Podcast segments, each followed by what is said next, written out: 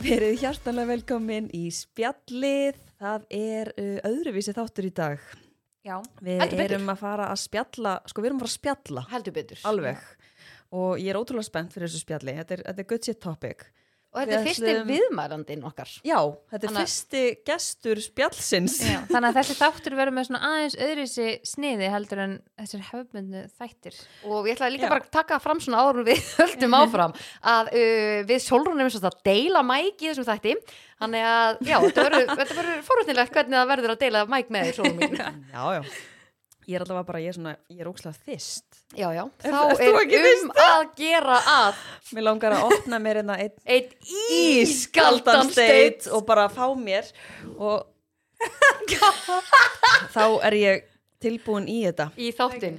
En, En- State er sem sagt sponsorinn okkar Já, einn af sponsorunum okkar þáttarins. En þetta er ekkit eðla góða drikkur, B-vitamin, koffín, Grænt te. grænt te. Ég bara, hann er svona, góð orka já, hann er svona, er svona fullkomin blanda bara, Ég og, elska. já, líka bara, þú getur valið millir nokkar að bræða og þeir eru bara hann ógeðslega feskur Já, drikkur við erum alveg State konur. Það er heldur betur til þess að halda góðu steiti, sko. Já, uh, En já, ókei. þá ætlum ég að kynna bara uh, gestin okkar. En uh, til okkar er komin ung kona. Og hún er og, og við erum ótrúlega spenntar að spjalla við hana. Hún er sérst þryggja barnamóður hún spilar á piano og hún heldur út í samfélagsmiðli er með námskeið, rosa mikið að gera hjá henni. Brjála, Rjóma að gera. hún er ótrúlega opinn og skemmtileg og við erum ótrúlega spenntar að spjalla við hana. Uh, Vertu velkomin Helga Reynistóttir Ljósmóðir. Takk fyrir. Takk fyrir að koma. Takk fyrir að hafa mig. Ég ætla bara, á ekki bara að vinda með Jú. Hérna, ég ætla að byrja að spyrja Akkur langaði að vera ljósmóðir? Heyrðu, ég bara hef alltaf verið bara svona mikil uh, people person og hérna, og fann það bara því ég var ung, ég byrjaði að vinna á hrafnust því ég var 16 ára að hérna, að það ætti bara mjög vel með mig að vera í svona umönnunar hlutverki og ég hérna ákvað bara snemma að ég ætlaði að vera ljósmár þótt ég vissi í raun að vera ekkert hvað að fæli í sér. Já. en svo fór ég hjúgrun ég segi ekki svona nokkru sinnum á leiðinni þá, á, þá hérna, langaði mig að hætta við. Ég ætlaði, ég ætlaði að hætta við og verða hjartaskurleiknir en fattaði svo hvað ég var ógislega gömul og hvað ég er því ógislega gömul þegar þú skrifast hann að ég hérna, já og svo hérna þegar ég er í hjúgrun þá sé, sé ég fyrstu fæðinguna mína og þá bara var ekki aftur snúið. Já, þá varstu bara ok. Þetta var bara, húk, ég húkaðist algjörlega þar. Já, þá fórstu bara beint í Já, þú- ég tók hérna bara svona verkla ljósmóðufræði, sérst, gekk með barn og, og hérna og átti og hérna fór svo þegar hún var eins ás hérna um, í námið. Já. En hvernig, þú voru að tala um að, að þú hefur verið orðin gömul. Hvað varstu gömul þú byrjaðir í þessu hjúkurinn og síðan í, og hvað árastu Eh, kannski fætt og segju kannski aðeins. Heyrðu, ég er 83 módel, ég er Ok. okay. gömul. Hérna, ó, ég veit ekki hvað er ég gömul, ég er ekki ég er sko 28 ára þegar ég byrjaði í ljósmóðufræði. Já, ok. Hanna, og, ég var, og ég var alls ekki sko yngst nei, elst elst, já. já. ég hérna á vinkonur sem eru hérna, einbesta vinkonu mín sem ég er að vinna mikið með hún er 50 Já. núna og hérna og henni fætt 76 og við útskrifumst þarna allar saman þannig að hérna Er þetta ekki með svolítið svona að, að konur fara kannski ekki beint í hjúkurinn og ljósmáður einhvern veginn eftir mentaskóla? Það sé oft svona pínu að þú fáir áhugan einmitt oft eru konur búnar eignast börn eða eitthvað svona í kringum þar sem að kveikir áhugan. Jú, það er ofta alveg kveikan að því og, og margar ljósbæður eru svona margar barnamæður sem Já. eru kannski búnar að eignast, þú veist, ég menna er einn sem að, er að vinna með mér, hún á fimm börn ákveði bara svona hérna á, á sínum öfri árum að, að skella sér í þetta að þetta er bara eitthvað sem hún brennir fyrir en svo er alveg stelpur sem að hafa bara, þú veist, klárað að, hérna stúdispróf rosa hratt og beint í hjúgrunn og, og kert þetta í gegn og, og er hérna nefnir sig var með síðast til dæmis hún bara er yngsta ljósmóður hérna Íslands, ég held að hún sé bara 20 og, og þryggja, fjara eitthvað svo les ok, Já. magna. já. Mér langaði svolítið að spyrja bara út í, þú veist, þessu starfi, þú veist, hvernig eru vaktirnar hjá þér? Þú, þú ert ekkert inn á kaffistofu bara eitthvað að chilla. Er ekki alltaf bara fæðing? Nei, sko það var það var svona hérna fyrir þetta COVID að þá var alveg komið vaktir, það voru alveg svona dauð tímabil þar sem að var ekki mikið að gera það er náttúrulega Vestlunum hann helgabönnin er að fæðast í mæ og svo er yfirleitt svolítið að gera svona fram eftir simri og hérna. En það voru alveg svona rólega mánuð þar sem að svona actually gat kannski flykt sér í leysubóistól í 2-3 tíma á neytavaktum og svo les en, en svo tíði búin Þú- Já, þannig að þú eru aldrei Þannig að- lendi í svona vakt sem þú bara tekur ekki á móti neinu barni. Jú, jú, það, það? já, það gerist alveg Já. en, en, og það gerist líka alveg að maður er með konu í 8 tíma og, og endar ekki, maður endar ekki, hún endar ekki fæðinguna hjá manni Já, einmitt. sem er smá svona erfitt við þetta jobba þetta Já. er svona eins og að fá góða skáldsögu í, hend, í hendunar sko og fá ekki að sjá síðustu þrjáblaði síðutar Einmitt. Já. en þetta er samt svona vinna þú veist að hérna að segja bara æ, maður bara stimpla sig út að reyna, reynir að kúpla sig út en ég er alveg þannig fyrir heima kvöldvægt og kona sér skil eftir er með tíu út ykkur að þá sopna ég ekki fyrir að ljósmann sem tekur við sendi mér á Messenger. Er búin að fæða Já, þannig að og ég spyr konur yfirleitt um leiði bara þú veist, er lægi að hún sendi mér þegar þetta er búið Já. og þá bara svona fæ ég klukkan tvið bara fættu drengur, svona Já. þungu bububu þá bara ok, þá get ég sofnað Já, vá, ég get alveg ímyndað með Já, það. þetta er svona person, rosalega persónulegt Já, þú getur Já. ekkert bara eitthvað stimplað út og farið bara að hugsa um eitthvað allt annað þegar maður er búin að vera kannski 8 tíma í þessu. Nei, algjörlega, og svo líka bara að tengis maður einhvern veginn bara konunum og, og fjölskyldanum þannig Mm, Já. akkurat. en, En hvernig er, þú veist, eins og þegar konur eru bara alveg crazy?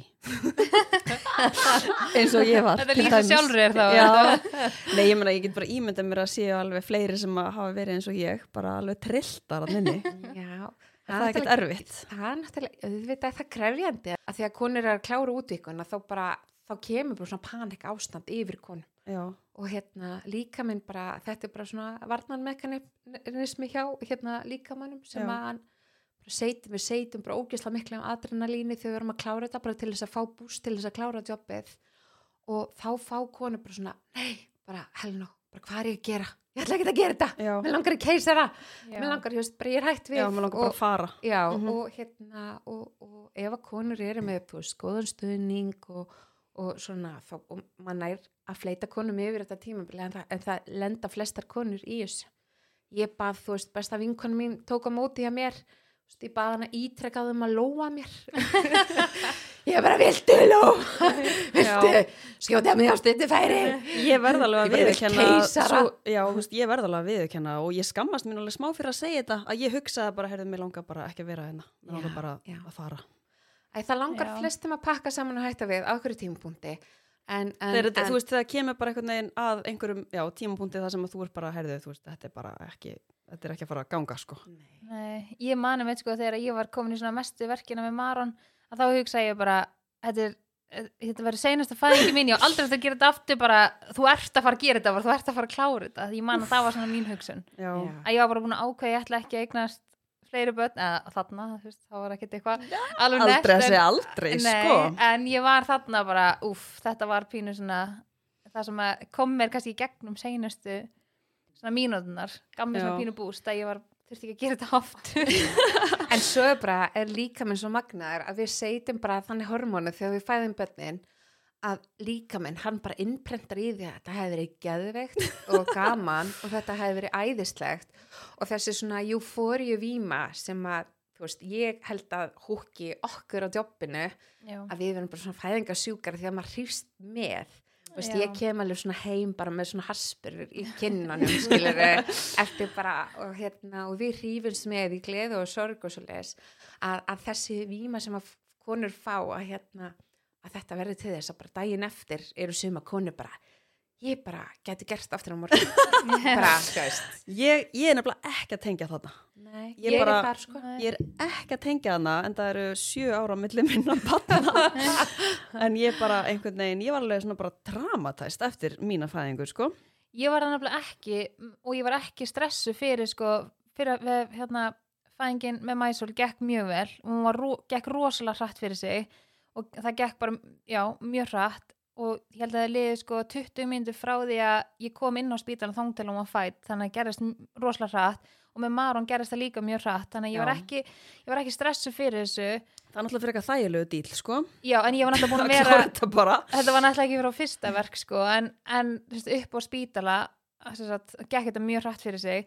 En ég einhvern veginn svona að fá batni í hendurnar og þá maður er svo fljótur hvað maður að segja, fljótur að gleyma því Já. sem að var erfitt og búið að vera sásökafullt þannig að það er einhvern veginn svona fíkn sem ég skil, þú veist, Já. mér langar aftur í það Já. að fá badnið mann er Og langar bara að einhvern upplifa veginn- það aftur Já. en bara það samt en, þú veist, þannig að þetta er einhvern veginn sem ég get partur af því að einhvern veginn, að ég veit það ekki, ég var alveg til í að gera þetta aftur já, en ég einhvern veginn, það sem er svona stoppað mig pínu núna er svona já, ég, ég nenni ekki þessum ungbarna tíma, þú veist, tímabili sem verða svona erfitt tímabil, Já. það er að stoppa mig sko, ég væri alveg til í meðgönguna og fæðinguna og eignast barni en síðan svona, ég er ekki alveg tilbúin ekki strax allavega, ég er þriðja En svo er samt bara svo magnaðar því að ég var eignast þriðja og þú veist, þú líka bara, ég er komin á hennan aldur og hérna, og ég fekk bara svona eldri borgarabann. Ég fekk bara bann sem að sefur, ég er, þú veist, á bumbuhóknum, ég er bara, ég er bara að reyna að kommenta ekki, það er bara eitthvað, hvernig eru börnin ykkar að sofa? Ég er bara,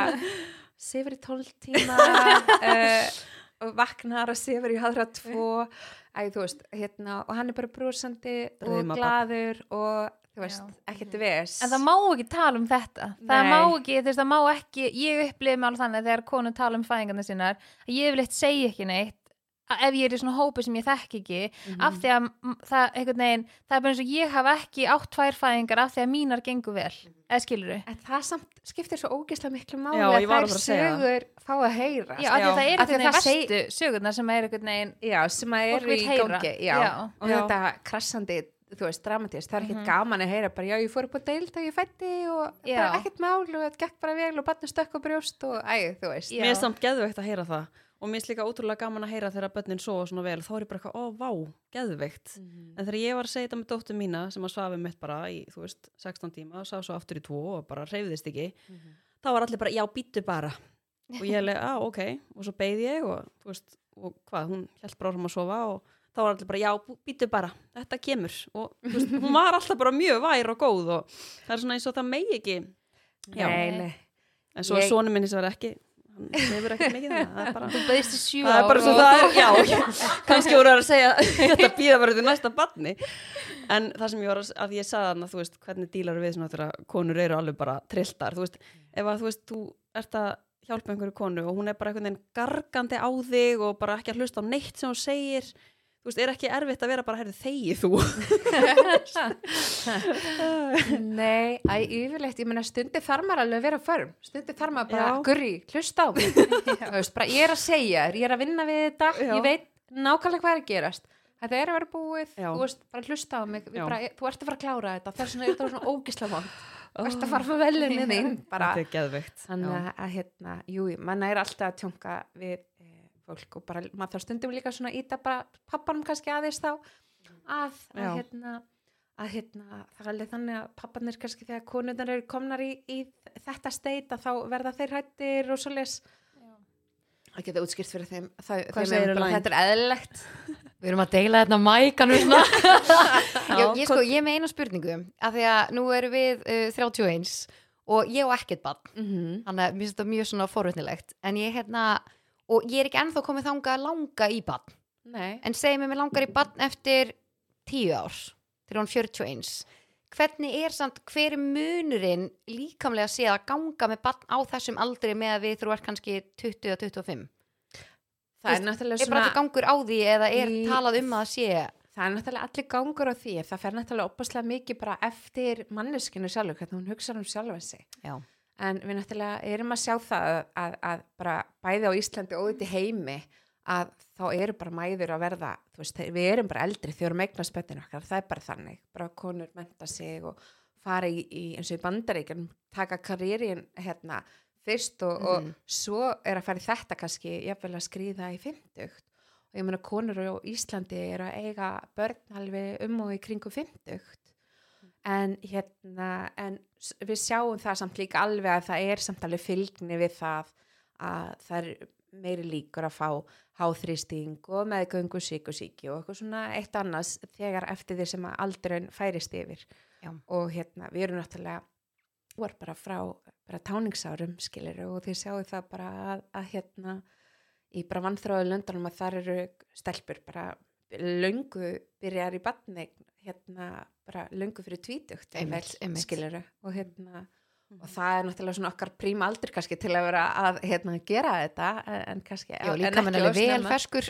Já. Líka minn vel Já, ferskur. algjörlega, algjörlega. Ég held að þetta sé samt bara eins og hún segir, bara ótrúlega persónabundið. það er það. Og er ekki líka ótrúlega algengt að, þú veist, eins og konur sem að kannski eiga ekki börn, þegar þeir eru kannski að nálgast færtugt, þá hugsaði bara, ok, nú langar mig að gera Já, þetta. út af það er kannski auðvilt að fara í bara, herðu, já, tími fyrir kannski Já, út af því að the clock is ticking. Já, er já, algjörlega, jú, eh, ég minna kannski svona konur er myndi kringu 40, 45 og, og ég elska það náttúrulega við tækninu eins og í dag, bara stelpur sem er ekki búin að finna sér maka, Já, eru búin að setja sér bara eitthvað þegar er 45, ef að hérna, Prince Charming er ekki mættur, þá fer ég bara og gerir þetta sjálf, Já, sem Já. að er alveg geggjað. já, En hvernig er það eins og fyrir að því að við erum að taka dæmi hérna með línu að myndir þú mæla með því að konur sem að kannski eru á besta aldri til að eiga börn en er ekki tilbúna til þess að eignast börn að frista ekkin sín Mm, þetta er meira svona, þetta er þessi læknisfræðilegri spurning hérna, ég er voða lítið í þessu en, en það er alveg þannig eftir því sem við eldumst að því færri egg Já. oft eru hjá okkur og það er alveg þekkt að suma konur geta bara hérna, verið bara með mjög fá egg. Um, hérna, ég fór hérna, til dæmis bara áður en ég hérna, var það ólétt núna og hún bara hún taldi það ekki mörg skilur hún bara, þetta er, þú, þú fyrir alveg að verða hérna, að verða búin með þetta.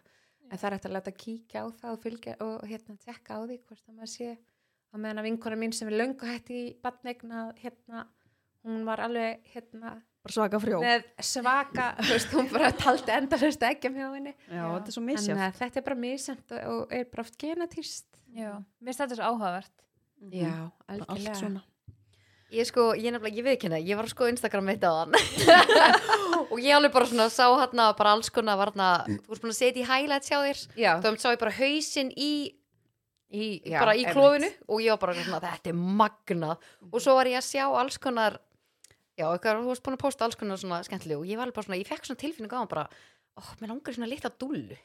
Já, þannig ég er svona, já, ég er svona ég það kannski að spyrja gumma eitthvað aðeins betur út í þetta. Það er til í þetta, vá. Að fá fleiri ljósmöðurinn í spjall. já, en svo langar okkur líka að spyrja þegar þú ert með svona fæðinganámskeið já. hvað hérna, getur þú líst því betur fyrir okkur og fyrir þá sem er að hlusta? Já, hérna, ég sem sagt er búin að vera að vinna um, upp á hérna, fæðingadeild í rúman hálfan áratug og var þar áður í svona áhættumæðra vend og hérna, ég byrjaði svo að vinna að, aðeins hjá nýjum mánuðum með svona fæðingafræslinámskeið og bara fann það fljótt að mér fannst bara svolítið vanta einhvern veginn sem mig Var það, eitthvað, var það þá ekki eitthvað námski sem þú varst að búa til? Var, Nei, nei, það var bara svona hérna, efni sem að þær hérna, voru hafa með, já, þær eru yndislegar og rosa flott námskeiðan hjá þeim líka. En hérna, en mér fannst bara svolítið, ég lenda í því að heyra líka bara svona út frá mér bara að vinkonum mínar hefði farið á eitthvað svona námskeið þar sem að bara um, ekki talað um bara svona hérna, hlutina á kannski raunsæjan hátt og bara verandi vinnandi upp á deild og vitandi allt sem að getur farið úr skeiðis og ekki að þá finnst mér samt skipta svo miklu máli að konur bæði vita bara minnst skipta svo miklu máli að konur vita til dæmis allt um sjálfræði sitt í fæðingu. Þú stjórnar, þú stjórnar fæðingunni þinni ég er þarna bara til að hjálpa þér. Þú, þú mátt alveg segja nei við hinn og þessu og þú hefur opaslega mikil áhrif á það hvernig þú fæðir að meðan að við erum bara svona til að, þarna til að aðstóða ykkur. Um, og mér fannst það vanta svona, sem, bara að konurna myndi vita um þetta sjálfuræði og eins líka bara fjalla á raunsæðan hátt um, um bara hvernig maður getur ítt undir það að hérna, líka maður gera það sem maður er að gera. Hvernig getur stuðlað að bara náttúrulegur fæðingu? Og bara það kemur mér alltaf óvart þegar konu komið námski hjá mér. Þær bara, ha, vassbúlur, ég vissi ekki hvað það var. Ég, ég sá, ég sá það um eitt áðan Og á. Instagraminu hjá þér. Þannig að konu bara eitthvað halda við aðeins bara- farið út í þessa vassbólu? Nei, ég var líka bara, að þú ert að segja þetta er, þetta er til staðar allstaðar en það bara veit ekki að þessu. Nei, það bara er enginn að nota þetta og það er bara það sem að er svolítið að gerast kannski, finnst mér, sem er úrslega sad að hérna að við erum ógeðslega heppin að búa á Íslandi. Þú veist, við erum bara e, á heimsmæli hvarða, hvað varðar fæðingaþjónustu og nýburaþjónustu, við erum bara með lestu tíni nýbura og mæðradöði í heiminum. Við erum bara opaslega með fína endurmentun og svo les og fólk og það er alveg bara, við fórum til Ítali þeir eru bara, what are you doing there in Iceland? You're not bara það amazing no C-section, why no C-section og hérna, maður að gera? Og ég kannski á þessu námskeiði er bara að kenna konunni bara að hlusta á líkama sinn og leifa líkamannu sínum að vinna. Og hérna og bara benda þeim á um hvað þeir geta að gera til að hjálpa sjálfur sér hvað maki eða stuðningsaðali getur gert til þess að íta undir bara farsalega fæðingu. Og það er búið að medikalisera svo opaslega fæðinguna er náttúrulega, ég meina þú veist, Solrún þarf ekki að fæða upp á spítala með þess að fæ- fætt heima hjá sér. Það er náttúrulega ekkit eðlilega í heiminum heldur en bara að fæða bönnu sín heima hjá sér en svo bara langar mér okkur hérna Já, og ég ég meina bara, þú veist, Mhm. ég meina konur fóru bara einhverju afdölum í, á vestfjörðum að eignast 16 börn og liðu bara til að segja frá því, skilur svo- og allir eru er bara veist. og hérna, og ég myndi að, að þetta konur viti það að það er til eitthvað annað heldur en bara náttúrulega fæðing eða mænudeyfing. Og það, og það til dæmis bara að brjóstakjöfin getur verið vesen og þetta er erfitt og þú veist, að meðan að maður hérna, ég man eftir konu sem kom bara, hún bara ég fór á svona brjóstakjafanámski og hún sagði að barnið myndi skríða á brjóst og barnið hennar gerði það bara alls ekki hérna, það bara opna ekki minnin eins og æ, þú veist Já. Já. Þannig að þið finnst ótrúlega mikilvægt fyrir, fyrir pör sem er að fara að eignast barn að koma á svona námski. Ég hefði viljað fara á svona námski með fyrsta barnið mitt, ég vissi Já. ekki neitt sko. Ég var alltaf að horfa á eitthvað vídeo á YouTube. Já. ég er nefnilega sko ég, það, var, það var svona námskeið þegar ég áðin eignaðist mæsul sem er sko hvað sex ár síðan eitthvað. En ég var pínu hrætt við að því að ég er svona pínu kvíðin og sérstaklega svona fyrir einhverjum aðstæðum sem ég hef ekki farið áður. Og ég var stressuð fyrir, ég vissi ekki alveg út í hvað ég var að fara og ég, hún sagði, ljósmóður mín sagði við mig bara þegar ég spurði hvernig veit ég þú veist hvort ég sé farin af stað? Ef ég var með rosalega mikla samdrætti alltaf en enga verki og ég eitthvað svona var pínu bara órug og ég var líka bara hvað 23 ára eða 24 ára eitthvað mér fannst svona því ég horfði tilbaka núna þá bara vissi ég ekkert.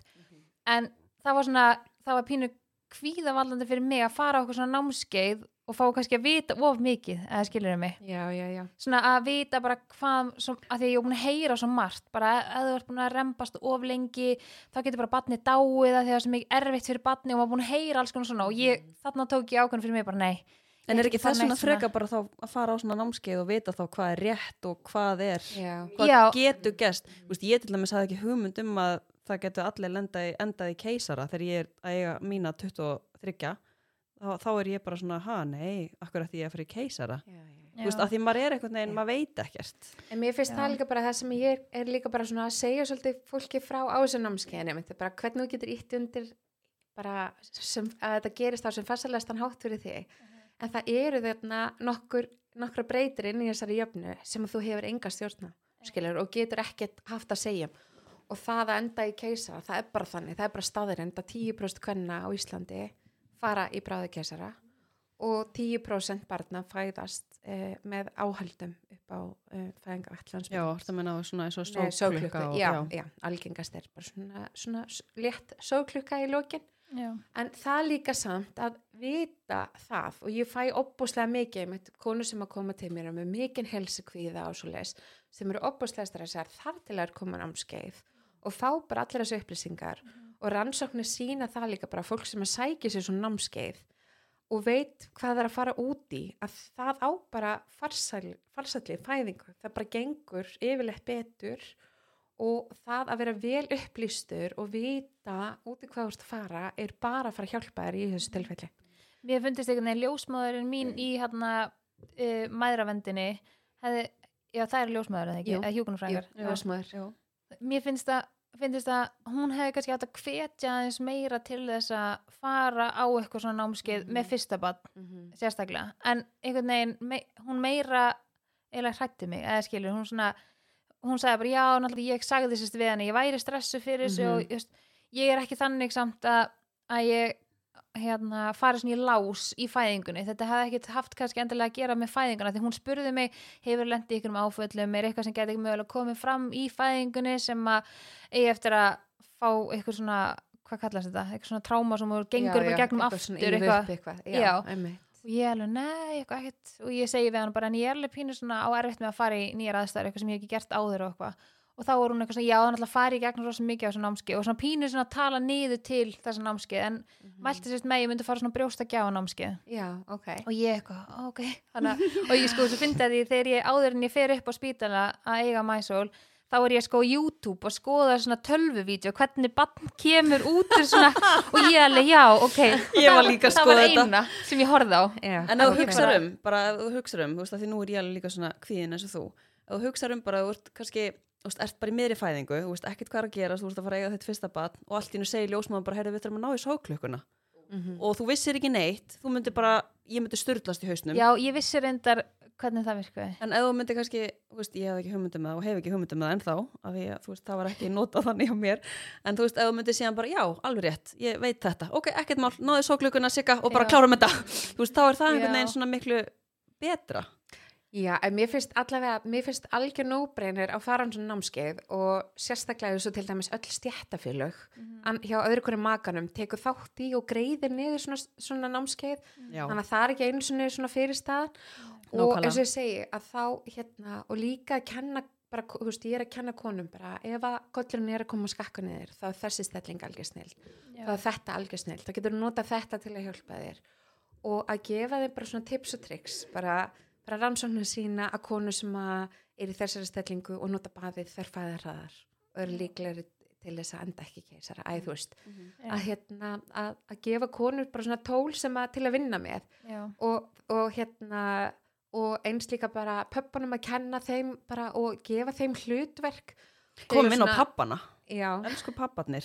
elsku makarnir, er þetta ekki Já. oft líka hérna, þetta er ekki bara pappar makar, eða ekki Já, Jú. bara, jú, jú, það eru glætlu gangur á því. pappar og mömmur og hérna. er ekki, er ekki rosalega mismunandi ég er líka forðan að vita bara með bara þeir sem eru með í fæðingun er þetta ekki ótrúlega oft bara rosalega mismunandi fólk sem eru svona aðstandendur í fæðingu jú, flestir eru með maka sinn eh, með já, þú veist, eh, hérna og við erum náttúrulega með alls konar alls konar fjölskyldir sem Já. er bara ógeðslega ópáslega skemmtilegt en hérna um, en yfirleitt og mér finnst hérna um, svona sappist að segja núna í COVID-inu af því að það búið að vera takmarkað hérna Já, eh, um já, við erum það bara með einn aðstandenda Já. við erum náttúrulega bara, þú veist, erum til dæmis upp á fæðingadeild, við erum bara 60 ljósmaður sem að, erum að vinna þar og við erum 67 á vakt og þetta er ekki flóki starfræði dæmi ef einhver kemur inn með COVID og smitar Já. nokkra vaktir að hérna, að þá hérna, fyrir allt í, í lásko, ég er að býða hérna, eftir því að vera mögulega kölliðin úr fæðingarólafi þegar þú veist, alla dett út af því að já. það getur ekkert hver sem er kannski hérna, stokki inn og greipi bann en hérna en að sama skapi að þá sjáum við það líka að þú veist makarnir þeir þurfa bara svona svolítið að steppa upp. Já, að því að hérna margar hafa haft mömmur sínar með og um, mömmur eru æðislegar alltaf en hérna þær Byrja á hrósinu og svo... en, en sko þær eiga það svolítið til að stíga á tætnar á mögunum og taka svolítið yfir hlutverk pappana já. og mér finnst það svo magnað að ég er búin að vera bara, þú veist, núna þessu því að ég- áður en ég fór í fæðingarálöf ég bara, vá, hvað allir þessi pappar er ógæðislega flottir og Já. svona, og þ- af því að þeir þurfa bara að steppa upp og þeir þurfa bara að vera þú veist, bara gæin á stofinni sem er að eða, eða hinn mamman á stofinni sem er að, gera hlutina og að peppa hérna konuna á stálinu. Og það hérna um, líka er, og það getur líka verið erfitt fyrir mömmur að sjá bönnir sín hérna finna til.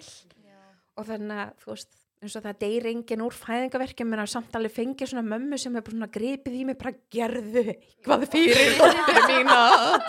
Og bara heyrðu hún er bara klár út eitthvað bara þú ert að fara að sjá barna Vá, hvað þetta make a sense. allt í lægi, allt eins og að vera. Og mömmurnar eru svona svolítið bossi þar taka stundum, ég hef alveg þurft að segja við sem mömmur bara á ekki pappin eða hérna, á ekki bara pappin að klæða barni í fyrsta sinn? Ha, hann, hann á helmingin Já, og svo kannski. Ef að þeirra mæðunar eru svona, þá kannski stíga papparnir svona þykk það, já, það er bara tilbaka. svo leist. Þannig að, hérna, mér finnst þetta bara frábærst. Mjög góðu punktur. Já. Já. Þannig ég segi bara, og líka bara alltaf þetta, pæli í því, bara er hver, þú veist, er manneskja svo að fara að taka með þér í fæðingunni, er hún stuðningur við, við þig eða, eða er hún bara að fara að koma sem áhorfandi? Áhorfandi, að því að það gerist, gerist alveg hérna áður, áður en var sett eitthvað limit á það, þá voru bara, kannski bara þrjára vinkunar koma bara að horfa á og voru bara eitthvað, vá! Já. Æ, þú veist, Úf. það var líka bara, ég man þegar ég var eigað 2015 Við komum með þér lína. Já, að þá, þá var ógst mikið tísku að vera með ljósmyndara með sér já, emmi. að þá var bara, Já. þá hérna ringdur bara og þau var bara Ég, ljósmyndara ég, standa ég fekk nú skilabóð hvort að frá ljósmyndara hvort hún mætti taka myndir Nei, í fæðingunni. Já, ok. Ég bara get ekki hugsað mér að hafa einhvern sem ég þekk ekki. Ég var með sko, ég var með ljósmyndari í fæðingunni minni 2015 en það er sérst ljósmóðir sem er svona aðmyndur ljósmyndari og hérna, Já. ég þekki, ég er búin að þekka lengi. mér Þú ert mjög gegn góður ljósmyndar, eða ekki? Ég er, ég er vísna lumpin orðin sko. Það er líka Já. spurning sem ég með langaði að spyrja því að ég þekki eina stelpu sem fór í keisara fyrir rúmlega ári síðan og hún fekk úr keisara hérna, hvað sem hérna, já, skurðum, já. fæðingur. þær voru bara sjúkla flottar, þetta er bara Mhm. flottustu myndir sem ég hef séð og ég myndi spurða hana bara þegar hún hérna byrjaði að posta þessu á Instagram hún setti eitthvað svona vídeo og eitthvað og ég var bara hver tók eða myndir Af því þá var COVID og ég vissi að það mætti bara vera veist, maðurinn hennar var bara með henni í fæðingunni Mhm. hún bara já, ljósmóðurinn tók þetta bara sinn síma og svo bara airdroppa hún bara á mig eftir hérna fæðinguna og ég var bara Mhm. Kannski var það bara Helga. Er það? Ég held að ég sé alveg öruglega svo eina sem hefur svona tekið síma bara ægi, ægi á hún iPhone 6, það er verið allar blörða ég er með splunkunni hann iPhone. Ég skal bara taka myndir og droppa þeim á þig. Já, og delita þeim ég hugsaði bara, vá, ég hefði verið svo til í að Já. eiga svona geggjaða myndir Þú tókst á móti líka vinkonu minni og hérna, og hún var bara, já, hún tók svo geggja myndir og bara vá, þú veist, af því að hún var ekki með rænu í að pæli því, hún var alveg mega ána með Þetta er eitthvað sem þú ert ekki pæli í akkurat þarna og ef, mann er kannski alveg pínu sama en svona eftir á þá er maður bara gaman að eiga. má, já, þú veist eins og ég skoða ennþá bara eitthvað, já, ég al- hérna prenta út myndir í myndalbum, bara eitthvað svona upp og deild bara eitthvað svona sem að ljósmórun tók þess bara eitthvað af, mér, af okkur saman og eitthvað svona ógustlega gaman að skoða þetta, þetta er ekkert bestu myndirna en þetta er svo nei, mikið svona algjörlega. tilfinningalegt Já, já, maður verður að eiga þetta. Æ, það er líka bara að ef við komum alltaf inn til að aðstofa og ef að, þú veist, og ef að hérna, pappin rétti manni síman og byrði maður að taka myndir þá er ekkert sjálfsæra Akkurat. taka svo geggjaða myndir hérna á þessa síma Já. Ég sko, ég sá líka á Instagraminu, ég má skjótin Já. að hérna, ég er svo ógslag forritin uh, að þú, þú, það stendur á einu postunum hjá þér, eitthvað það má skipta um ljósmöður. Er þetta eitthvað sem að margir vita eða? Ég Þa, ég hef til dæmis, ef ég væri að fara inn í aðstöður bara segjum ég væri bara að fara að eiga og ég var ekkert búin að kynna um mig, ég myndi halda að ég mætti það ekki. Ég þyrfti bara að taka þá sem mér væri gefin eða útlutu Nei, það er ekki þannig. Og það er líka bara þannig hérna, þú veist, ljósmári sem er, er með í mæðravend, maður er að fara að hitta hana alla meðgöngurinn og svo leis og það er bara þannig að sumi karakter að tengja ekki. Mhm. Og maður finnir það bara mjög fljótlega bara ef að þið finnstu ekki vera að tengjast eða að því að maður er að ræða um alls konar mjög persónulega hluti og, og þarf að opna á alls konar hluti sem maður kannski hérna, maður er ekkert að opna á við hvert, hvert sem er að hérna, maður þarf að vera með eitthvað sem maður treystir og, og líka við einmitt Mhm. og það er líka bara hérna, eins og í fæðingunni þú veist, maður fæðir þetta 1, 2, 3, 4 börnum æfina Mhm. Það er leiðilegt að heyra konum bara eitthvað, æ, já, mér varst ljósmann, æ, við vorum ekki að búnda og Já, af því ég sko, ein mjög góð vinkonu mín var með þannig bara, ég, veist, ég var bara ekkert að tengja. Henni fannst það bara meira óþægilt að hafa hana heldur en að hann að minnst þetta mjög forunlegt Þú En mátt það móðgast enginn og það gerist alltaf reglulega að hérna, einhver segir bara hérna, getur við fengið nýja ljósmaður myndi ég þá bara segja, segja mig þú er ljósmöðu mín. Já. ég, myndi ég þá bara segja við bara, herðu, hérna þetta samband sé ekki alveg ganga hérna hjá okkur. Get ég fengið einhverja aðra? Já, Það er bara nákvæmlega þannig. Ok. En mörgum finnst það kannski erfitt en það, hérna, svona fyrir COVID að þá, hérna, máttu papparnir fara fram á klósett að þá svona stundum droppuðu þeir við á, á vaktarbyggina, hérna, við erum á stofu 5 og hérna, við erum að hugsa, er langt í vaktarskipti að gætu, gætu við fengið aðra ljósmóður. já, ok, svona í aði, að vilja. Já, já, En, en hérna, en svo líka bara stundum þarf líka kannski að segja við ljósmóðuna bara eins og Solon var að segja, bara ekki tala. einmitt, einmitt Þann, bara þú látir vita hvað þú vilt já, já, og hvað já. þú vilt ekki en ég meina flest, flestar okkar ég meina eins og ég get talað að þá get ég setið heila 12 tíma vakt og ekki sagt orð Já. Já. þannig að hérna, maður bara þarf að vera við erum mjög góðar svona flesta ljósmaður hérna í, við kallum þetta skyndikinni við þurfum að kynnast fólki mjög hratt og Mhm. fljótt og öruglega Mhm. og hérna erum farnar að koma upp persónulegustu staði hérna kanna bara á, kannski bara á, um leiðum að kemur inn Já. að hérna maður þarf að vera mjög fljótur að svona að, að klikka, Að lesa manneskina Já. og aðstæður og svoleiðis Akkurat, uh, já, og svo við klárum kannski aðeins bara fæðinguna sjálfa. Mér langaði að spyrja út í bara eins og svona heimafæðingar í vatni eða svona fæðingastaði sem eru ekki neinn inngrip. mm Ég veit ekki hvað það eru margir, er það ekki alltaf björkin? Jú, Björkin og svo eru að opna núna hérna voru að fá húsnæði hérna uh, fæðingarheimili Reykjavíkur það voru svo mikið að gera hjá Björkin það er ekki alveg náða annað eftirspyrð þannig að vonandi fá bara konur þá uh, option að vera þar líka. Já, mér Og svo- að spyrja hvað, hvað finnst þér um svona fæðingastaði það sem er ekkert engin inngrip? mér finnst þetta bara algjör snilt ég hérna hvet bara alla konur sem að eiga þess kost að, að eiga á ljósmárastýrið einingu eða heima hjá sér að gera það Já, ok. rannsóknir á, á Íslandi Nei, ég er bara aldrei þóra því, sko.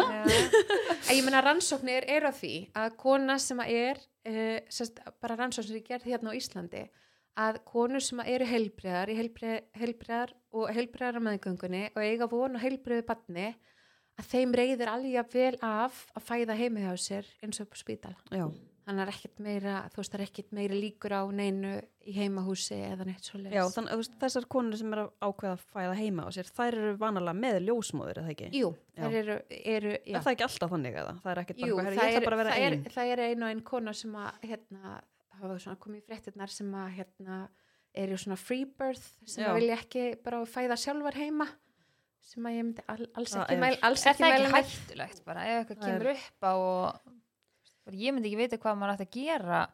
Sem er bara að klippa naflastrengin og eitthvað. Er þetta ekki alveg eitthvað svona sem maður þarf að Við náttúrulega þegar maður er að vinna upp á spítala þá myndi maður hérna, þar sem maður sér allt Mm. að þá myndi maður aldrei mæla með því. En ljósmaðurnar sem eru í heimafæðingunum og eru á fæðingar hérna, stofunum að þetta eru ljósmaður með opaslega langa þjálfun og við sjáum það oft ef að hlutinir er ekki að ganga eins og þeir eiga að ganga. Já, eða, eða ef að badnið er fara að sína ykkur streytumerkja þá, þá hafa þær hennar tíma til flutnings þá segja bara jæja hérna, en hvernig sérðu, þú veist, að því þú ert ekki með græjuna þannig sem þú ert tengd í? Og, jú, veist, þær eru með svona bara já, ok, klí- það já, er. hlusta, já. Já, já, já. En ok. langsalega flesta konur eru ekki tengdar í þessa græju. Það Nei. eru bara konur sem eru í áhættu sem eiga að vera Ah. fastar í svona hjálpsláttariti. Ok, Og, og hérna, e, í raun að vera á bara hlust, við hlustum bara hjálpsláttin í barninu á kortist til hálftíma fresti. já, ok. Þannig, að- og, og barnið lætur okkur bara vita hvort það sé búið að fá nóg eða ekki. Mm. mér fannst þeim eitt magna að því að maður má fara heim svo stuttu eftir að maður er búin að eiga Já. og við vorum, það gekk mjög hratt með Maron og við vorum pínu svona að býða eftir að mega fara heim við ekki tala um þess að fjóra klukkutíma Jú. og ég man að þegar hann fæðist 7, 8, 9, 10, 11 já, svona um 11, ég man við fórum eitthvað rétt hálf 12 eða eitthvað miðnætti sem sagt heim og ég man að ég var bara svona, þetta voru svo skrýtnar aðstæður, það var sem sagt ég hefði, sagt, ef við höfum alltaf að fara niður á hérna er búið að Já, í reyðri eða eitthvað. Sængurliðina, já.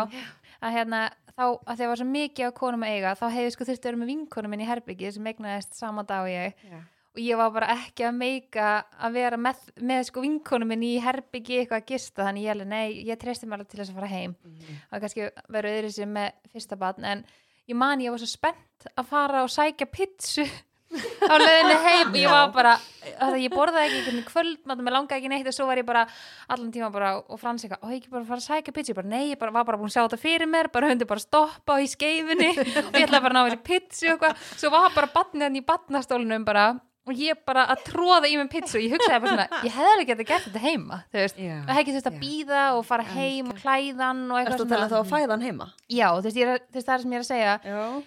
Þú því að, hendi bara í það. Að við þína, segja, varst að segja mér á hana, þá varst þú klárlega bara að fara að fæða heima næst, sko. ég, ég samt, veit ég hvert ég myndi þóra en svona af því að maður er svo, maður er pínu svona ítt út, bara, heyrðu, já, þið eru bara að fara heim og maður er svona, mér leið ekki eins og væri bara fjóri tímar þegar ég stóði inn á dómin og svo bjöði pitsunum minni eins og bara já, ég átti batnina fyrir fjóri tímum og að því ég var á samfélagsmiðlum og ég seti eitthvað á sérst Instagram eitthvað, nei, þetta var snabbt þá held ég, eitthvað að ég sé að labba inn og ég held þá var maður með, með, hann að maður að skýsluna með sér, er ekki verið rafrænt núna. Já. ég er eitthvað að labba með hann inn eitthvað og setja eitthvað á snapp og ég set sér að tíman svo set ég mynd bara svona að það sést ég sé búin að eiga, það sést ekki í hann sagt hversu stuttu setna og það var eitthvað sem að tvítaði bara ja, þessi batning á sólrunni er bara svo þegar og hoppar í bíó og fer síðan aftur heim af því að ég var síðan komin heim með pizzu eitthvað geðveitt sátt hann, þetta, var svo skrítið eitthvað ég var allt í hennu bara eitthvað komin annað batn komin heim Já. með pizzu og þessi bara eitthvað fjórum tímum setna Já, þetta var nákvæmlega eins og mér en ég myndi samt aldrei þóra að vera heima. Nei, ég myndi ekki þóra, en veist, raskið í kringum það að vera eitthvað svona býða þannig að mér langar Nei. bara, mér langar bara að leggjast niður og bara vera átt, skilur Já. en það var bara ekki pínu option, en maður var svona ekstra þreyttur Já. og svona býða eftir að komast heim. En samt þessu konur sem að þú veist bara gengur svona vel hjá og, og brjóstakjöfin hefur gengið vel og svo leis maður þarf ekkert að liggja þessa sængulega þetta er bara fyrir konur sem eru með vandamál og þetta er ekki þekkt eins og bara í Danmörku og svo leis þá fara konur á svona sjúkrahótel og það er bara hjúkurnafræðingur sem að svona sér um að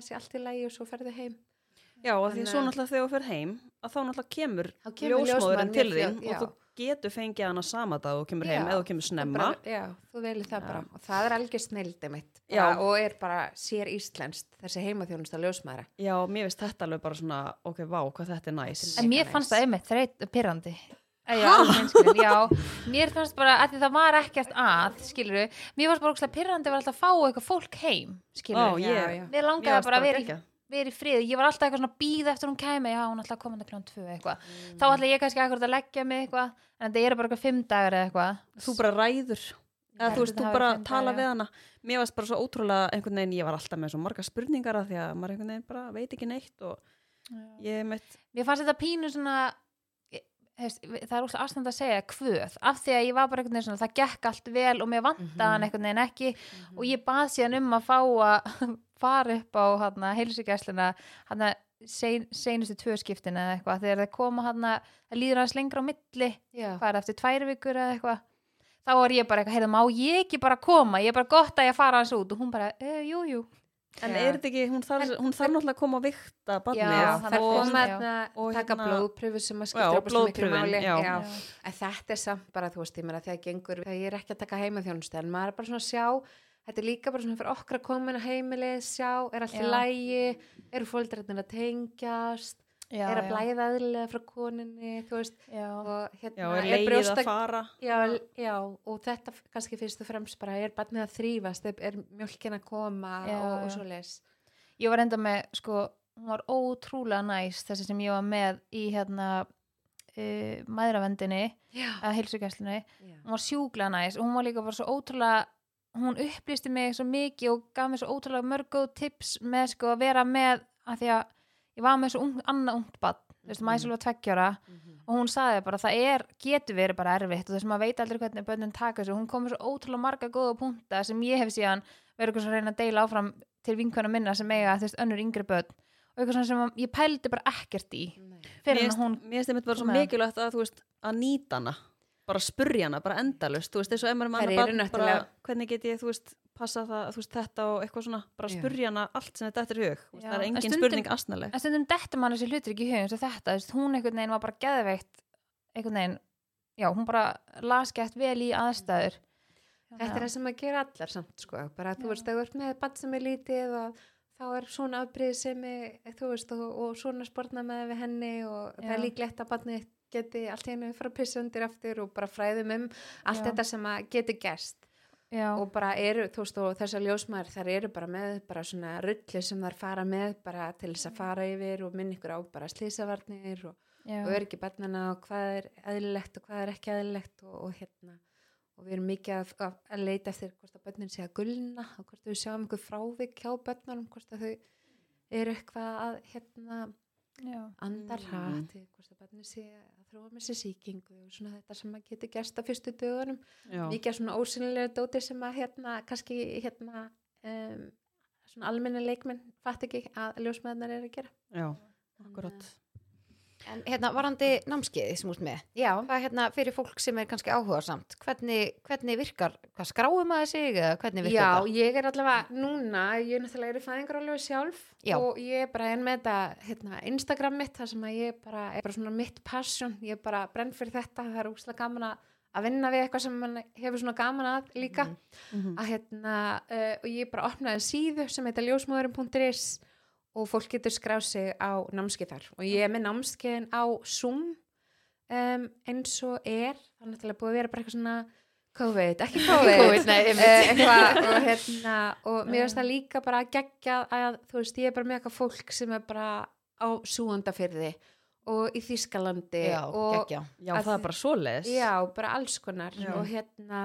um, og fólk fær líka bara fólk sem kemur að námskeið hjá mér að það fær líka bara svona aðgang svolítið að mér að fá að spyrja mig spurninga hvenær sem mér er svo Instagram það er bara svona hluti af því að fá að koma á námskeið hjá mér og ég hvet alveg konur til að þú veist að nýta sér það og Mhm. það hérna, getur alveg hjálpað þegar framlega stundir En þurfu ekki að ræða svo eitthvað smá með brjóstakjöfuna og kannski líka bara kannski eftir miklu máli kannski að hlúa líka sjálfum sér að maður, nú, nú tala ég náttúrulega á yngri Mhm. reynslu en náttúrulega ég held að allar vingur minna í börn sko. Að maður svona, það er svo misjáft hvernig þær verða einhvern veginn. Mm -hmm. sumir er einhvern veginn bara svona að taka sér algjörl út úr lífinu Mhm. sumir, að ég fatti hvað ég er að menna Já. Ég hef mitt fyrir við þetta námskeiðinu og það skiptir líka bara svo óbærslega miklu máli einmitt að ræða þetta á meðgöngunni. Og hérna á námskeiðinu fer ég bara svona yfir bara parasambandið og, og bara ykkur sem einstaklinga og hvað það skiptir miklu máli. Og það hérna að eigna spatt fylgir alveg óbærslega mikið álag þó að gangi allt vel og allt það en þegar ekki gengur, gengur vel þá er þetta óbúslega mikið álag og það er bara ógeðslega sorglega staðrindu eins og Íslandi að bara skilnaðatíðin er hæðist hjá fólki um, á þessu fyrstu þrejum árum í lífi bassins sem að e, eru samt mikilvægust í bara þroska bassins að því að bara verður bara alla taugatengingar og, og svo mikill þroski sem verður á þessu fyrstu tveimur árum og það skiptir svo ógeðslega miklu máli að fólk sé bara vel fungerandi á þessum árum og hérna að því að þú veist, það er oft talað um happy mom, happy kid, happy dad, happy kid. Og það er bara þannig að það bara endurspeglast í bara þín, þín líðan, hún endurspeglast í börnuninu og bara sem að elst upp við tókstreitu og kvíða og, og, og hérna rifrildi og ofbeldi þetta eru þetta bara mótar einstakleika út lífið að meðan að barn sem á hamingja sem að mömmu og pappa að þau verða bara svona einstaklingar sem eru bara hérna líði betur og tekst betur á við hlutina í lífinu. Þannig að ég um, þú veist á námskeinu fer ég yfir það bara hvað skiptar ógislega miklu máli að hljúa sambandinu og sjálfur sér. Já, og bann bjargar ekki sambandinu. Nei, það er, það, Ef að hérna, það er ekki uppskrift að, hjóna, hjónabandsbjörgun eignast bad ef það, það er eitthvað vesen í sambandinu, þá er fínt að laga það áður en að fólk er eignast börn. algjörlega. Um, ég er að fjalla um á námskeiðum hérna um, svona ameríska sálfræðingar sem hafa verið að um, kanna bara hvaða er sem að er hérna einkenni fólk sem er hamingju samt sem er búin að eiga börn. Bara hvað er það sem að hérna bara langlíf hjónabönd hvað er það sem einkenni þau? Og það er þetta mitt bara að tala saman að fara saman út að vera áfram einstaklingur sem þú erst áður en átti batni þetta haldi þetta vinguna þína að því þið viti það allar stelpur að hérna, svona minn er selnast að fá tennur og það bara fyrir mig að maður er mikið klukkan þegar ég var að koma hingað ég var bara svona, ok nú erum við bara að spjalla ykkur Já. þú veist, og, hérna, og þetta gefur mér alveg þú veist, orkuna í að fara heim og tekla hérna, kannski eitthvað næsta erfitt kvöld, Já. skilur Ég er alveg sammála. og það skiptir líka svo miklu máli að, að fara, og til dæmis hann segir, þessi hérna hjón hérna, þau segja að fólk sem er hamingjusamt, það fyrir á date night þó það eigi pínu lítið bann og date night þarf ekki að vera eitthvað fara eitthvað fancy út að borða, það getur bara verið að fara út á vestó í náttbuksunum. Og þó sést að bara að skoða myndir af badninu alla tíman og tala um hvað er mikið krúkt en þeir eru samt að gefa, þú veist, ykkur bara parinu þennan tíma sem er svo mikilvægt. Mm Mér finnst það líka bara leið og ferð úr aðstæðunum ferð út af Já, heimilinu einmitt. og bara svona ferð aðeins að kúpla þið út. Þú veist, þetta er bara svona eins og konur tengi oft bara að fara í styrtu bara, Já, ef það er bara eina pissa það er bara að gefa manni helling. En að ég reyndar eða við erum bæði reyndar með mjög gott bakland og mamma mín var reyndar alveg dásamlega með bæði börnin hjá okkur og við, hún var alltaf með, kom alltaf á miðvikudögum og við fórum alltaf á date night á miðvikudögum. Já. af því að líka bara þegar við vorum að sérstaklega eignast mæsul, þá vorum við bara að pínu bara svona ströggla eins og allir skiljum hún bara kom fyrirtæki og fjölskyldu og reyna að sapna okkur fyrir eign og eitthvað svona og það var bara svona, það var ekkert bara það að maður eiga bann, það var bara svona allt annað í kringu þú veist, Mhm. ég var í skóla og vinnu og hann líka og með fyrirtæki, þannig að mamma var bara örgulega hefur bara séð að hvað vorum bæði bara með, þú veist, hundra verkefnum og mikið eins og bara er típist Íslendingar einhvern veginn, þú ert bara með svo rosalega mikið á herðum einhvern veginn, Mhm, að það, þá gleymir maður svona mitt sjálfur sér. Mhm. og mér fannst það mitt sjúklega næst þegar mamma kom alltaf á miðugdum og ég held bara ég nenni ekkert að gera eitthvað alla miðugdag og mamma eitthvað farið bara í göngutúri eða einmitt, farið bara eitt ringa Mhm. eitthvað. Og það breytti bara sjúklega miklu fyrir okkur einhvern veginn, maður sá það samt ekki fyrir en að maður búin að komast úr aðstæðanum, Mhm. þá var maður bara já vá og, eins og fyrir mömmu, mamma bara mér finnst þetta bara geggja, ég fæ bara tíma með barnabarninu mínu, skilur bara alltaf hérna, hérna fast einu sinni viku. Þó að þetta var ekkert langu tími en ég mana þegar ég var sér að hérna ólétt að mæsul þá sagði mamma við mig bara þú veist, passaði bara upp á sjálfa þig og með þetta því að ég sjúklega mikil svona félagsvera. Og hún sagði bara þú veist, þú verður samt að halda áfram að sinna vinkonuðinum og þú veist, reyndu fyrir ekki þá bara að finna vinkonu sem eru líka með börn og eitthvað svona, þú veist, að fara hérna að tengja en ekki, því ég var svona eiginlega eina vinkonan í hópnum sem að var þá að eignast batt svona svolítið langt og undan þeim. Þær sem ég var svona mína bestu vinkonu svona elstu vinkonu er sko eignast börn núna. Já, ég einmitt. komið sko með tvö og alveg bara svona langt síðan ég var í þessu. Þannig að ég manna og mamma var alltaf að minna mig á bara þú veist, þó svo þú veist eignast börn og fjölskyldu þá bara ekki hægt að vera þú þú veist, þú verður að halda áfram að sinna þér og áhagamálum þínum. Og það fannst mér alveg svona já vá, og ég svona, hef alveg oft þurft að minna sjálfa mig á þetta bara svona að ég fari út eins og bara núna þá erum við að taka upp og það er ekki kvöldmatur heima hjá okkur öllum skilur já, já. og minna dóttir mér létt mig alveg finna fyrir því að að ég væri sko ekki að fara að vera í mat. Og ég hugsa þetta alla leðninga bara oh my god, ég er umölu mamma þegar ég er að fara og ég er ekki í kvöldmat en ég var svona búin að elda kvöldmatin á henni kominga veist, þannig að þetta er svo, maður er svo fljótt einhvern veginn að, svona, að rífa sjálfan sér niður að svona dæma sér fyrir að vera eitthvað ég er heima alltaf. Það verður Ég- kannski svolítið breyting á núna, ég er bara svona eins og mér finnst það samt alveg ömulega sorglegt Já. að margar konur þurfi að vera bara í sex mánuði heim með barnið sitt, svona minn verður sex mánuði í næstu viku, bara ekki séns Nei. að ég geti slítið mig frá hannum á þessu tíma. Um, þetta er alveg klárlega eitthvað sem ég held að þurfa að endur skoða og Já. ég ætla að ráðast í að, hérna, að, að fara í að, hérna, að það þarf að breyta þessari tilhjöðun fæðingarálósins en þegar papparnir uh, eru um, og eins og margir pappar geta tekið hálft ár og Mhm. hafa og fólk hefur bara burði til þess að hérna að þá kannski svona mitt sjá þér bara ok, þetta er svona og hérna og þetta, þú veist tekur svona á og, og kannski opnar auguna á þeim svona fyrir þriðjavaktinni og þetta að því að flestum pöppum bara þegar þeir eru komnar í þessa aðstæður þá finnst þeim þetta geðveikt Mhm. og hérna, hérna já, ég held að, hérna Þriðja vaktin, stelmur. Vi, Já, við, við erum búin að ræða hana.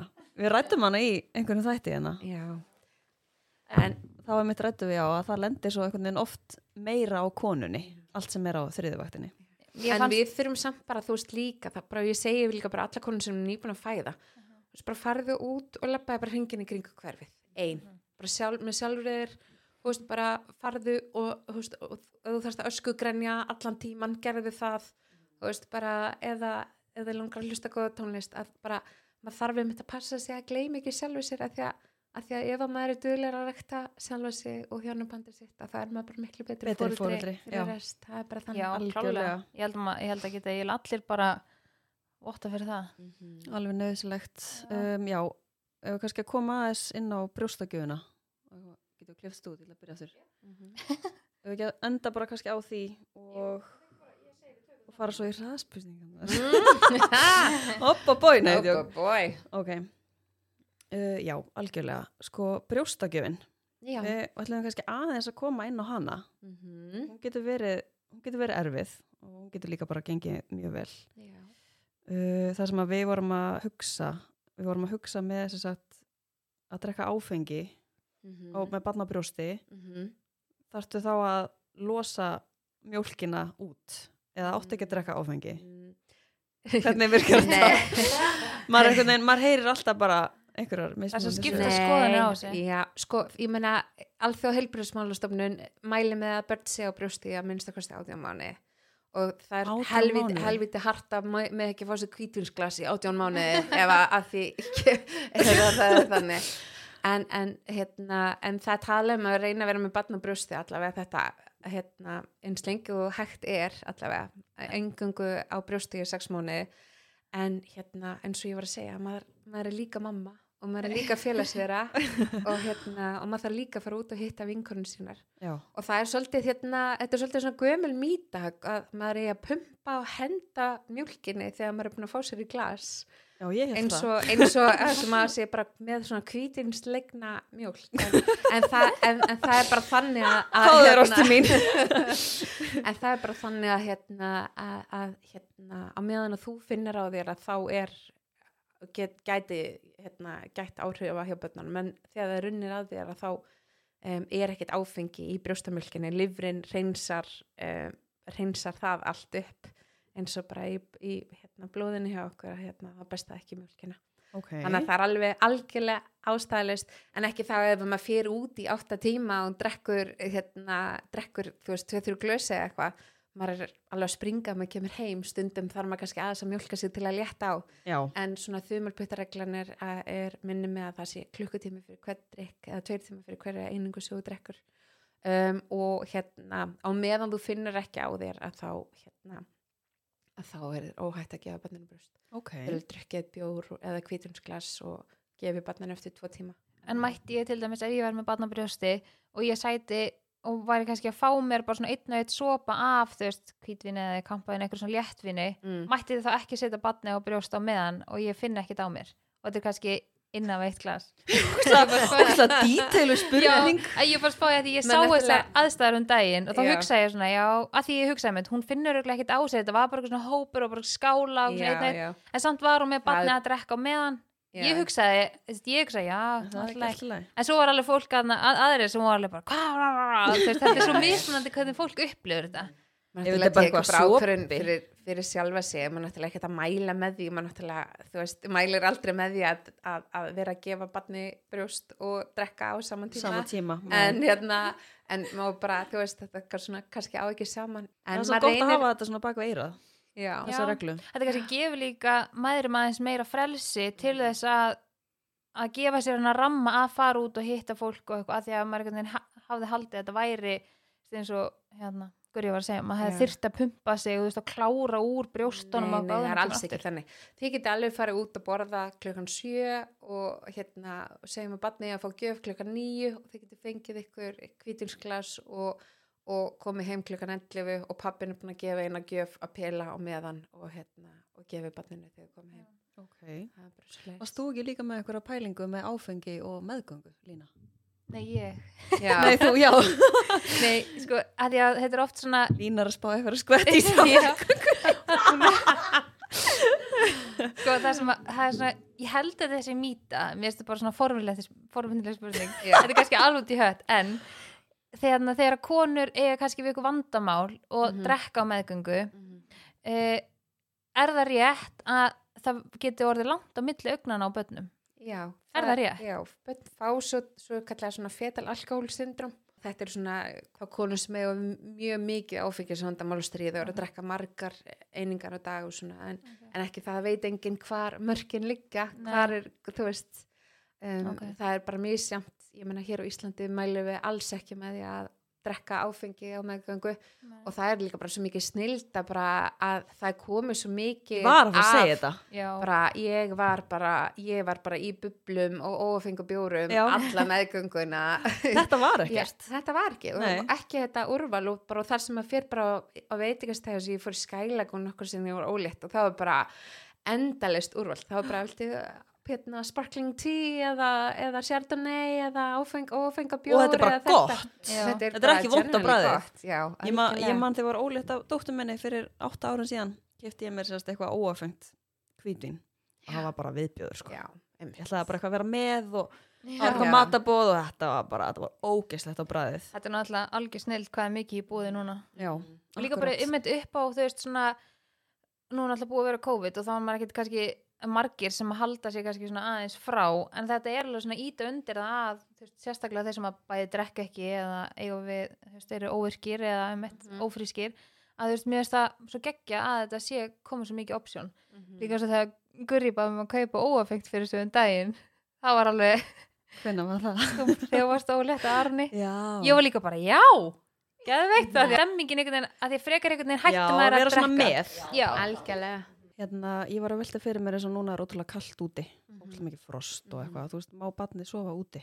Um, það er hérna, það er engar ansóknir til sem að segja bara eitthvað þetta, þarna liggja mörkin. Já, en þetta er opaslega mikið common sense. Það var eitthvað svona í gamla, gamla daga þá var eitthvað svona fjóra vikur, fjögur kíló, fjóra gráður eitthvað. En, en hérna um, en ég meina ef að barn fæðist bara stálpað um hásu umar má barnið náttúrulega bara fara út strax já, ég er að meina þú veist, eins og Eins og svona núna. frosti já, sko ég set uh, ég dreg mörkin hérna bara við svona í kringu frostmark já, það er mínus eitthvað. skilur, já, Já. ég meina hann hefur alveg fyrir út í mínus eina, tvær skilur, en svo eru bara mis þjætti vagnarnir og hérna og flestar eru með hita hérna mæli inn í já, í vagninum. tækinu. Já, Já. og þú veist bara ef að hann sýnir lóa þá er tími fyrir barnið til að koma inn. Já, En, eh, en svo þarf að taka bara með að vindkælingu og, en það er líka bara snild að kenna barnið að sofa bæði inn og úti að, hérna, já, að hérna, bara þegar það er þannig. Akkurat. Hérna, finnst þér finnst þér að sjá oft svona konur klæða börnin sín allt og mikið? Það er alveg það er alveg ennþá finnst mér svolítið svona ríklenska að, einmitt, að klæða börnin um of já, er það Og- ekki? Jú, og það sem við erum svona impra á við konur að, að það skiptir opaslega miklu máli líka bara þar sem barni leggst til sveps að okkur líður best þar sem er bara frekar svalt Svo kemur amman og bara, guð, það er allt og kallt. Já, æ, það er líka ógæst að finna það er svo ríkt bara í þessari gömli kynslu og það er bara Guð, barni fær kvefið og klæði það ekki nóg. Heyrðu, Og ég ætla- það var þetta það sem ég ætla að engin- þig að. Það er engin tenging á milli kvef, milli veira og kulda, Já. það er bara engin tenging þar. Af hverju er þetta svona ríkt í, Það hérna, bara, í þessari kynslu og passa að hann vera ekki kallt og geta orðið lasin. Hvernig getur hann orðið lasin ef hann er með kallt? Þarf hann ekki að fá einhverja veiru eða bakteríu til þess að vera lasin? Þetta er náttúrulega bara svolítið svona mýta því að, að, því að, að, því að þegar, að, sko, þegar að byrja að kólina á Íslandi að þá byrja skólinn Já, og þegar skólinn byrjar að Þá byrja allir og að þá byrja pestarnar og kvöfina því að allir eru saman. Það er ekki kuldin, það er Ok. hérna eins og, eins og sem betur fyrir fleiri hafa lært í að hérna að, að hvernig hérna, maður smitast að verum að það er ekki að því þú fast ekki í öllar nærból og föðurlandi og 66 gráður norður póka e, að sofa úti. Þannig að Ok, þar hafið það, kæru hlustendur. Uh, nú erum við búin að fara aldeilis um víðan völl hérna í þessu spjalli og ég er að spá í að henda skvísunni í hraðaspurningar. Uh, hraðaspurningarnar sem ég, by the way, samti sjálf. Það eru í bóði Reebok Fitness, uh, líkamsætta stöðvernar. Ég ætla að koma með einu spurningu á okkur. Ég ætla að droppa inn á okkur núna. Hvað er með það? Eru þið til að taka hotbóti tíma á lögadaginn saman? Já, Uh, já, ég til. Ég er sko, það er nefnilega, ég elska að fara í svo hotbóti tíma. Það er, þeir eru klukkan 11 eða eitthvað á lögadagum. já. 10-11 og minnst það bara sjúglega næs. Já, það er, það er mjög skemmtilega tímar. Hvað segir, erum við ekki að fara að negla það? Jú, ég, ég til, já. Þetta er líka svona tími sem að maður er hvað þetta er ekki að gera neitt. Já. Eða svona oftast. Þú ert vakandi Já, og þetta eyðir ekki allir degininum. Mér veist það gegja. Það er bara bara svona verður orku meiri, bara Já. tilbúin í daginn og... ég er mjög peppið það. En við mælum með að þið tjekki á Reebok Fitness eða ykkur langar að æfa í góðri líkamsáttastöð. Það er Já. hringt þarna, það er ógislega góður andi. Við erum ekki úrval af alls konar mismandi tímum. Já, og núna er líka bara svona tími þar sem að maður á bara að rækta líkama og Já, sál. koma sér að stað. 100% algjörlega. Algjörlega. En ég er mjög peppið í þessar hraðaspurningar. Já, hvað er það? Er stelpur, við ætlum að henda okkur í sæðaspurningarnar. Það er bara eitt, tver og núna. Uh, Lýstu sjálfur þér í einu orði. HR, Ertu A eða B manniska? B, Hvað áttu mörg börn? Þrjú. Hvað er þitt go-to karaoke lag? uh, hún er dansu sem það er í! Og hvað er bóls orkudrykkurinn? drekki ekki orku, drekki Mm, kókisti Ef þú getur breytir í dýr, hvaða dýr myndur þú breyta þær í? Full. Yes! Þættir að bíómyndir Uh, Bíómyndir. Hvað er uppáhalds podcastið þitt? Hlusta á podcast. Ef þú myndir gefa út æfisögu, hvert verið heitið hennar? Ljósmóðurinn. Já, hann uh, iPhone eða Samsung? iPhone. Hvað kveikir í þér? Uh, þrif. Já Þetta er mín kona sko. Þú verður ekki ljósmaður, hvað verður þá að gera? Ah, wow. Hjart, nei, hjartaskurleiknir. Ég held að þú vilja að passa inni sko Vá, já, hjartaskurlangar Skurleiknir, já. Ok, hvað er að leiðilast þess að þú gerir? Brjóta saman þátt. Ef þú yrðir að sofa hjá þekktri konu, hvaða kona er þið fyrir valinu? Þarna ekki með passið. Uh, nei, Nei, hún er, nei, þetta ég- er ekkert að þessari ég- spurningu Um, Bjónsei. Vel gert Hvað færið þér á pítsu? Um, skingu annars. Trúur á drauga? Nei, Rauðvin eða hvítvin? raukt. Hvaða bíómynd lætið þið fara að gráta? Ef þú að flytja frá Íslandi, hvert myndir þú flytja? Tenni. Og svo síðasta spurningin, hvernig myndir þú lýsa hríðum fyrir kallmanni eða manneski sem hefur aldrei upplifað þær? Ah. Herði, um, Þú náttúrulega elskar að fæða börnu, það Ég ekki? veit það. En mér finnst það sko. Það er ekki hægt að lýsa þessu. Sástu Bachelor þáttinn þegar gæjarnir voru settir í svona? Já, já. Sástu það? Mm, Sko, ég hef heyrt, ég hef heyrt samt konu segja Að að það sé ekki eins? hérna, það er ekki hægt að líka eftir þessu. Ég, en bara svona, ef að, ef að kallmaður hefur fengið hérna, kallsteina, Nýrnasteina. Ég hef heyrt konu segja að það hefur verið erfiðar að fá nýrnasteina og hún var enda með mjög stóra nýrnasteina og, og mikið, og mikið lasin. Að þetta. það hefur verið hérna, svona svipað, Já. svona sambarilegt. Thank you, þú rúlaður upp þessum hraðspurningu og sagðir aldrei pass. Hmm. Vel gert. Já, ég var að býja eftir passinu. Ég er ána með fugglana. Sola hefði ekki passið í uh, sofa hjá þekktri konu. Já. Já. Ég, sko, ég bara, já. Já, kalla, sko. En ég sagði ekki einu sinni fugg þegar þú spurði með það þessu. Ég var bara svo ána með hann og hún Nei, hvað sagði þú? Ég sagði Api? kind. Já, Lína frábært. sagði api. En já, er eitthvað að lókum, stelpur? Segðu vilja spyrja hann að. Sko, mér finnst hann eiginlega bara búin að allan að svara allir spurning sem ég hef. Já, þú ætla bara að það beint á það, já, bak. ég er bara, ég er bara beint í gummi Bara ótrúlega gaman að fá þig og spjalla við þig. Æ, bara takk aðeinslega fyrir að hafa mig. Já, bara takk æðislega Já. aftur fyrir að koma. Og gefa þið tíma til að koma. Og gangið er bara vel í orlofinu, það sem Ó, eftir er. Takk, fyrir sem leiðis. Hmm. All right, FM.